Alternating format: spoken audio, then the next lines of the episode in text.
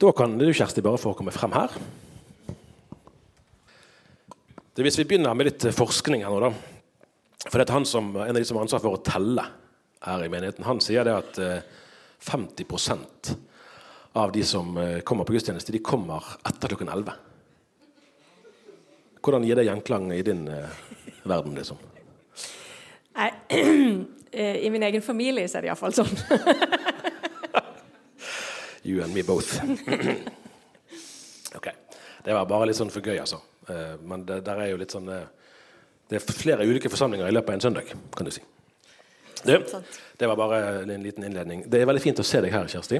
Eh, som Elin Konstantin sa, så er du altså sogneprest i Birkeland kirke. Og jeg sjekket på Google Maps at det er nesten nøyaktig en kilometer herfra. 1,1, tror jeg. Eh, og så bor du like bakenfor det som altså neste idrettsplass, gamle traverbanen her oppe. Og det er faktisk omtrent nøyaktig like langt herfra, bare dog i en litt annen retning så er det, er det er etablert.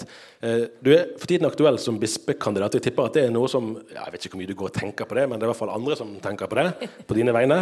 Vi skal komme litt tilbake til det, Men det er ikke derfor du er her. Eh, og Det har vi egentlig snakket om lenger enn en det. Eh, for saken er at når Kristkirken skulle flytte inn i disse lokalene, og det er jo nå om bare noen uker, tre år siden, så fikk jo du og Håvard Berger, som er så bak her, som er forstander her i menigheten, god kontakt og har snakket sammen om vårt felles nærmiljø. Eh, og det å være kirke i et sånt miljø, det har du faktisk eh, har du forsket på. Det var derfor jeg begynte litt med forskning. Eh, så det skal vi komme straks tilbake til. Men før dette så er det jo ikke alle som kjenner deg. Så du kommer fra Søgne, og det har jeg lært nå etter hvert en ca. en halvtimes kjøretur vest for Kristiansand sentrum. Ja, nå er det til og med blitt en del av Kristiansand. Til noens forargelse. Ja, var det, er det positivt eller negativt, det? Du, Jeg syns det er fint, men jeg bare merker meg at det er ikke alle som syns det. Nei, nei, jeg skjønner. Jeg skjønner. Eh, hva i din barndom og ungdom der var det som gjorde at du ønsket å leve som en kristen? Først har jeg bare lyst til å si at det er veldig veldig fint å være her. Dette har jeg gleda meg veldig til. Og så skal jeg gå til denne barneoppveksten i Søgne. Jeg vokste opp i en uh, kristen familie, en veldig kirkeaktiv familie. Eh, og jeg vokste opp i, på et sted der kirke og bedehus var to sider av samme sak. Eh, sånn at vi gikk på eh, barneklubb på bedehuset, eller Sølvpillen barneforening, som det heter. Vi gikk på, Etter hvert som vi ble eldre, så var det både kor og ungdomsarbeid, yngresarbeid på bedehuset, og så gikk vi på gudstjeneste på søndagen. Og Det var de samme folkene som var begge steder, og det var også de samme som hadde forkynnelsen begge steder. For meg så ble det en veldig viktig del av Sammen med troslivet i familien så ble det en veldig viktig del. Denne, denne vekslinga mellom kirka med sin liturgi og det som når vi, var, vi, kunne synes var litt kjedelig, hvis jeg skal være helt ærlig, eh, og bedehuset der vi hadde en annen form og et annet trosuttrykk. Men denne eh, denne tredelinga da ble en viktig del for utviklinga av min tro og at den har ulike uttrykk og kan være både de store ordene som av og til kan oppleves som større enn oss, og de lange lange linjene og tradisjonene står for noe. Og dette mer nærhetsspråket, eller det som eh, kanskje noen vil kalle hjertespråket, er like fullt en del av det. Og det har vært viktig for meg eh, også gjennom ulike faser i livet så at tyngdepunktet ligger på forskjellige steder. Mm. Men denne vekslinga ble nok viktig for min tro, ja. Akkurat. Var det noen sånne vendepunkter eller hendelser, eller var det mer en naturlig utvikling som vokste frem? Jeg tror jeg hadde en um, Jeg husker veldig godt den fasen, men det var ikke sånn ett tydelig vendepunkt. Men uh, jeg hadde en veldig uh, en fase der jeg tror jeg skjønte at jeg, nå må dette bli mitt eget eller ikke. Nå holder det ikke lenger at mamma de ber kveldsbønn med meg. Um, og at jeg er med de på ting. Dette må bli mitt eget. Og det tror jeg arter seg forskjellig hos forskjellige folk. Men for meg så var nok det knytta til en sånn um, et litt sånn alvor. Uh, knytta til en forståelse av hva som er mitt ansvar. Jeg hadde en periode med fryktelig mye dårlig samvittighet og tenkte at det var der. Um, og det tenker jeg kanskje sa like mye om hvem jeg var. Uh, men det å da finne det at jeg kunne gå til Gud med det, ble for meg faktisk en veldig viktig mm. del. Det at jeg hadde et sted å gå, det at jeg hadde den forkynnelsen om tilgivelsen og nye sjanser, ble en veldig viktig del av det som ble min tro. da. Godt, godt. Og så eh, valgte du den yrkesveien du valgte? Hvordan oppsto kallet, for å si det sånn? Hvordan bestemte du deg for å bli prest? Det kommer veldig eh, Det var ikke så brått og eh, helt klart for min del. Jeg vokste jo opp et sted uten så mange kvinnelige prester. Uh, jeg hadde en farfar som var prest, men det var nok ikke helt sånn på radaren for min del.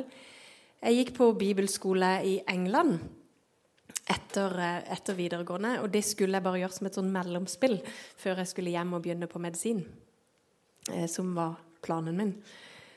og i det året så hadde vi et sånn Når de visste at vi måtte velge hva vi skulle til neste år, altså litt over jul, i semester nummer to, så eh, hadde de ei uke der de faktisk sa at nå skal dere Det var forkynnelsen om Guds kall. Eh, og så sa de at deres jobb nå er å be for hva dere skal framover. Og det ble jo et sånn veldig fokus på hva den skal bli. Eh, og jeg fant ikke noe mer svar da, men jeg fant nok mer en uro på det jeg hadde tenkt, som gjorde at jeg måtte tenke litt annerledes. Og så opplevdes det mer som tilfeldigheter. Jeg trengte noe å gjøre det året jeg da kom hjem. Og det var kristendom grunnfag i Kristiansand, som det het på den tida, på lærerskolen. Hadde gode forelesere. Eh, og så balla det egentlig på seg. Eh, og så Da kunne jeg ligge og ta mellomfag når jeg flytta til Oslo. Og så begynte jeg på MF. Eh, og så tok jeg psykologi, og i den tida hadde jeg begynt i Storsalen. Og det å leve i et menighetsliv der vi sjøl fikk mer ansvar, eh, samtidig som jeg hadde begynt å studere teologi, var nok det som begynte det. Men det var faget som interesserte meg først. Og så kom denne kallet til å bli prest. Det kom underveis. Mm. en, eh, det å være prest er jo en jobb, men det er jo mer enn en vanlig jobb, eh, så å si. Nå I dag morgen så har konen min vært på håndballturnering. Det var oppmøte i Haukelandshallen 08.35. Det er jo det man drømmer om på en søndag morgen. Og dette er du ikke fremmed for. For du har, og du har fire barn, mm. og opptil flere de tror jeg har spilt håndball. Ja, alle. Mm. Og da har du fortalt det litt sånn artig nemlig at vi kan ikke akkurat forvente at de som planlegger sånne turneringer, tenker at liksom mellom 11 og 1 nei, da må vi ha pause. Sånn var det kanskje for en generasjon siden. Nå setter de opp kampen når de vil. Og det, dermed har du noen ganger måttet gå rett fra gudstjeneste til håndballtribunen iført det du er iført nå. Ja da. uh, hvordan opplever du det, og hvordan fornemmer du at de som er rundt deg, opplever Oi, er presten her? Ja, Eh, jeg glemmer det jo ofte at jeg går med snippen, fordi at det, for meg er jo det vanlig, og den ser jeg jo ikke når jeg går med den sjøl. Eh, så jeg tenker, Men jeg ser det jo ofte på blikkene til folk, for jeg får noen sånne ekstra sånn Her? Hva har skjedd, liksom? Hva, hva, hva er i ferd med å skje? Eh, og så er det jo etter hvert blitt sånn at nå, på, nå så jeg jo opp til flere håndballdrakter. Her var det mest Gneist. Jeg er jo mest litt på Gneist, litt på Gneistkamper, men mest på Fana. Eh, og de som har sett meg mange ganger, de er jo ganske vant til det etter hvert. Eh, og det er det interessante. fordi at eh, det som har slått meg, er hvor mange eh, Og det tror jeg er en, en privilegert eh, del av det å være prest. Er at jeg tror folk tenker at eh, fordi du jobber med så Folk er opptatt av at vi har gravferder. Det er liksom det første spørsmålet folk ofte kommer med. Eh, at jeg tror de tenker at vi tåler livet. For jeg har fått overraskende mange ganske sånne alvorlige samtaler på sidelinja eller på tribunen. At uh, folk har kommet med ting som jeg tenker Oi, dette er jo ganske stort at du forteller meg. Og det tenker jeg er primært fordi de tenker at her er det noen en kan snakke med om de større tingene. Uh, men også at en tåler noe av livet, også av det som er krevende. Og så har jeg noe mer morsomt med noen innimellom. da. Vi var på noen, blant annet på en kamp for nå er det en liten stund siden, men disse elitelaget til Fana hadde tapt så det sang. Um, og da kom lederen for idrettslaget bort og sa de trenger en prest i garderoben.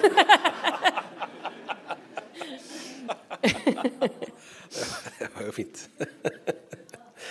I 2019 da fikk du tildelt noe som heter Olav-stipendet, sammen med en annen eh, prest, for å forske på hvordan Kirken samhandler med lokalsamfunnet i det som heter urbane tettsteder, f.eks. her. Eh, og der er det jo, her må vi si at det er en, en nokså viktig forskjell mellom menigheten i Virkeland kirke og vi som er her. og det er jo at Den menigheten består av folk som i utgangspunktet bor relativt i nærheten, mens vi som er her, eh, bor jo, de fleste av oss bor ikke helt sånn umiddelbart i nærheten her. Men likevel, da. Eh, hva slags råd kunne du ut fra den kunnskapen du fikk, gi til Kristkirken med tanke på eh, utadrettet virksomhet og det å være i kontakt med lokalsamfunnet? Jo, det var veldig interessant for oss sjøl, for vi var jo to prester som hadde samme, omtrent samme erfaring. Begge hadde jobba i en uh, stor menighet på et mer sånn vi kaller det jo ofte ressurssterke områder. Det kan jo være misvisende, men i alle fall der det utad er sånn. Eh, og så hadde begge jobba på eh, lokale, i, i, lokale menigheter der, på steder der det var mer tydelige utfordringer, ikke minst sosioøkonomisk. Um, og det gjorde at vi ble litt nysgjerrige på dette. Hvordan kan en være kirke på urbane tettsteder. Det er noe spesielt med tettsteder som er urbane, nettopp det at det har ofte vært stor tilflytning. Det er ikke alle som har de lange røttene der, lange historiene der og tradisjonene. Ehm, så vi hadde lyst til å forske på noen som fikk det til. Fordi vi tenkte vi kan jo godt gå oss vill i det som ikke fungerer, men vi har lyst til å se på noen som faktisk får det til. Så vi spurte ehm, bispemøtet om de kunne gi oss tips, og så hadde vi en sånn utvelgelsesprosess, men vi endte opp med to forskjellige menigheter, og de var veldig forskjellige forskjellige deler av landet, eh, forskjellig profil, forskjellige eh, områder som de lå i. Og så gikk vi inn og så spurte vi eh, hva er det som skjer her. Og vi snakka både med prestene og vi med folk i lokalmiljøet. Hva er det dere tenker om dette samarbeidet og denne samhandlinga? Eh, og noe av det som var interessant, var at eh, det var veldig forskjellige måter de gjorde det på. Eh, men noe, begge stedene så handler det ganske mye om relasjoner. På det ene stedet så hadde kirka et bygg omtrent sånn som dere. Det kan en jo misunne, med mange rom. Sant? Ikke som I Birkeland så har vi jo en langkirke som eh, det ikke alltid er så lett å få til ungdomsarbeid i, f.eks., hvis en skal si det forsiktig. Eh, så da brukte de rommene sine og sa når skolen som lå ved siden av, trengte et sted å være, så var de mer sånn Ja, dere får lov å låne. Og så ble barna kjent i kirka, og så var veien kort til å ha gudstjeneste. Det var ikke så skremmende å ha det samarbeidet skole-kirke, for de hadde det jo allerede. På det andre stedet så eh, og der på det stedet så var presten veldig sånn utadvendt og en kjent person i lokalmiljøet og, og lagde veldig mange av disse linkene sjøl. Eh, på det andre stedet så var det mer eh, en som sa jeg er ikke en som starter opp ting. Jeg er ikke en som er så kreativ eller en gründer eller får til så veldig mye. Og jeg er til og med litt sjenert. Eh, men jeg har troa på å møte opp, sa han. Og så hadde de der et samarbeidsråd eller sånn for lokalmiljøet, og der var han hver gang. Eh, og Noen ganger så tenkte han jeg vet ikke helt hvorfor jeg er her, og jeg har ikke alltid så mye å tilføye. Men han møtte opp. Og det fortsatte han å gjøre. Og så skjedde det plutselig noe på den ene av skolene. De hadde fått en, kjempe ble avissag om et eller annet som gikk på KRLE-undervisninga. Og den første som da rektor tenkte på vi har jo Presten er jo på de der møtene. Han kjenner jeg jo. Telefon rett ned. Og så fikk de bygd et nytt samarbeid som ikke der hadde vært før. Eh, og jeg tenker noe med det at relasjoner er utrolig viktige. Det å være synlig, eller det å være til stede, det å være ta imot folk som kommer om de trenger et sted å være, eller noe som kan virke ganske sånn prosaisk, kan det vokse ting ut av. Men også det å faktisk møte opp på de tingene som skjer. Så det ga iallfall meg med, med, med ny frimodighet til å møte opp på håndballkamper også som prest. om jeg må gå i det er jo lett å lirke ut den hvite snippen av og til og tenke at en skal gjøre det enklere, men at jeg utfordrer meg sjøl litt på å rett og slett være til stede og også være det som, som kirke. Vi hørte i sted at du kan estisk. Eh, og det er fordi at du og familien Det var egentlig Bård forstår jeg, først som dro til Estland, og da, eh, da endte dere der alle sammen en periode som misjonærer. Eh, og da Tor Alma meg, min kollega, vi var hjemme og spilte inn podkast hos deg for to år siden. og Da sa du at en av, en av, lærdommene de hadde fått, det var at etter at Sovjetunionen falt, så var det mange som kom til Estland og gjerne ville formidle både evangeliet og mye annet.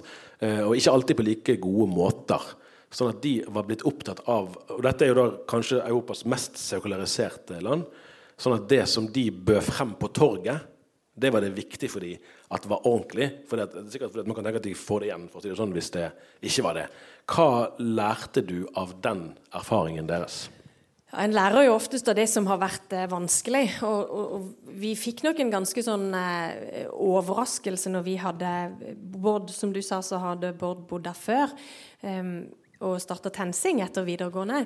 Og så reiste vi i 2003 som misjonærer i et samarbeid med Den norske kirke og NMS og Den estiske kirke. Eh, og Så begynte vi med en ungdomsgruppe blant annet, og jobba med de. Vi var delvis ansatt i en lokalmenighet som heter Johanneskirka. Um, og så skulle vi starte noe som høres rart ut for oss eh, nordmenn, men vi skulle starte noe som vi kalte for ungdomskonfirmasjon. Fordi at eh, det var ikke helt vanlig på verken, ikke tidligere heller i Estland at du ble konfirmert på ett gitt tidspunkt. Eh, men i Sovjettida så var jo konfirmasjon et av de stedene de virkelig satte inn liksom støtet mot, eh, fordi de tenkte at dette er et så viktig sted i kirkas liv. Eh, så, skulle, så dermed så hadde konfirmasjonsalderen økt på og blitt noe som mange gjorde når de var eldre. rett og slett. Så vi eh, hadde lyst til å starte med et tilrettelagt opplegg for ungdom. Og hadde gjort det sammen med nabomenigheten og snakka med våre ungdommer. Og vi hadde en Bård kjente en grafisk designer som hadde lagd veldig fine plakater. Vi hadde lyst til å henge opp disse, og så ville vi ut på skolene og spørre om vi fikk lov til å informere om det. Og da sa det plutselig, da hadde vi hatt et kjempespennende samarbeid med disse ungdomslederne våre. Og da sa det rett og slett helt stopp. Og vi skjønte egentlig ingenting. Vi lurte på om det var noe galt med han grafiske designeren. Eller, men for de så var det rett og slett det å skulle ut og de opplevde, fallby troen sin. Det ble for vanskelig. Og Da måtte vi jo gå ganske mange runder på hvorfor. Og da var det, som du sa, den erfaringa at det kom vestlige grupper eller misjonsgrupper som, som, gjorde det på en litt sånn billig måte, som ikke fulgte det opp, og som var innom og sendte hjem bilder av at eh, 150 ester er frelst. Og så, eh, og så bare dro de igjen. Og så var dette for noen som hadde opplevd at troen var noe som de hadde måttet kjempe for og virkelig risikere. Der du handla om faktisk livet ditt, eller jobben til foreldrene dine eller barna dine. Um, der det hadde blitt noe som de holdt veldig veldig kjært, men veldig privat for å verne seg sjøl og de rundt. Og så ble det plutselig liksom solgt på billigsalg. Uh, og det, Vi måtte gå mange runder. Og vi endte opp med å både få plakater og gå rundt på skoler. Men hele den prosessen lærte oss noe ganske viktig om hvordan vi som kristne forteller om troen vår ute, eller presenterer den på torget. For jeg tror at vi er helt eh, nødt som, som kirke og i den situasjonen som vi er i i Norge, med mer sekularisering, også her, så tenker jeg at det som kirke å være på torget, å være der livet leves, og ikke vente at alle skal komme til oss, det tror jeg er kjempeviktig. Men jeg tror også vi skal tenke ganske nøye gjennom hvordan vi gjør det, sånn at vi gjør det troverdig øh, og, og ikke så billig. Eh, og det har ligget der for meg som en, en sånn um, Nesten som en sånn test på hvordan gjør vi dette utad i møte med folk som har mangfoldige fortellinger og historier og også opplevelser med kirke og tro, men også de som ikke kjenner det. Og kanskje kan vi lære mest av døperen Johannes, som egentlig sa brukte hele seg til å peke på Jesus, og at det er der noe av hemmeligheten ligger. Tiden går, og det er mye, det er mye vi kunne egentlig hatt tre ganger så langt intervju her. Det tror jeg ikke hadde blitt kjedelig. du svarer så mye spennende. Eh, men jeg var bare litt innom det som er i ferd med å, altså det som skjer nå rundt oss. For, for, eh, ja, Vi skal ikke gå inn i hele prosessen med at det var en liste med 96 navn som ble foreslått til bispekandidat. Der var jo både fru og herr Norheim på listen. Så det var litt festlig. Eh, nå er det seks kandidater igjen, og du er en av de. Hva er det som, altså, tenk på her, Nå vet jo ikke jeg nøyaktig hvem som er medlem hvor her, det skal jeg ikke vite lenger. Men det er sannsynligvis et lite mindretall her som er medlem av Norsk kirke. Eh, så hva er det da, eh, Hvorfor er det spennende å tenke på å skulle bli biskop der? Ja, Det er et godt spørsmål. Det hadde jeg behov for å gå noen runder på sjøl, om det er noe en vil bruke livet sitt på, rett og slett. Um, og For min del så tenker jeg at jeg tror at kirka er i en Og nå jobber jo jeg i Den norske kirke, så det er jo der det mest nærliggende å tenke uh, ut ifra. Kirka er i en brydningstid. En, vi har en ganske annen situasjon som både kirke og som kristne i det norske samfunnet i dag enn for bare noen få år siden. Du begynte jo med å si her at en lærte salmevers på skolen. Det gjør en ikke lenger. Og vi merker, som får inn mange konfirmanter, eller en sånn bredde av konfirmanter, at det mangler mye kunnskap, f.eks. Det er også mange som syns at dette med tro er blitt mer vanskelig å snakke om. Og vi diskuterer dette med livssynsåpne og livssynsnøytrale samfunn. Jeg tenker at i en sånn tid så må vi som kirke tenke nytt. Eh, vi må tenke nytt om hvordan vi når ut med evangeliet og det det handler om. Eh, Den norske kirke har jo også på mange måter blitt framstilt gjennom mange av konfliktsakene de siste årene. Og jeg tenker ofte at det eh, skal vi tåle, men det er en utfordring å da nå fram med evangeliet. Og at ikke det er de sakene som blir hele fortellinga. Fordi at vi er jo her for å dele evangeliet om Jesus. Eh, og at han har kommet, døde for oss, sto opp igjen, vant over døden. Og hvordan kan vi som kirke fortelle det på nye måter? Og Det tror jeg vi må tørre å tenke ganske radikalt nytt om. Og Det er det som motiverer meg til å, gå inn i en, eh, til å eventuelt skulle gå inn i en større lederstilling i Den norske kirke. For å være med og legge til rette for og skape rom for at det kan skje på ulike måter i dag. Og da må vi tørre å prøve og feile. Og så Hvis vi bare fortsetter i det, i det, i det du er egentlig er inne på der, så er det jo ikke noen hemmelighet at, eh, at debatten om, om samlivsetikk er den som har fått mest offentlig oppmerksomhet i hvert fall, og vakt sterkest engasjement de senere årene.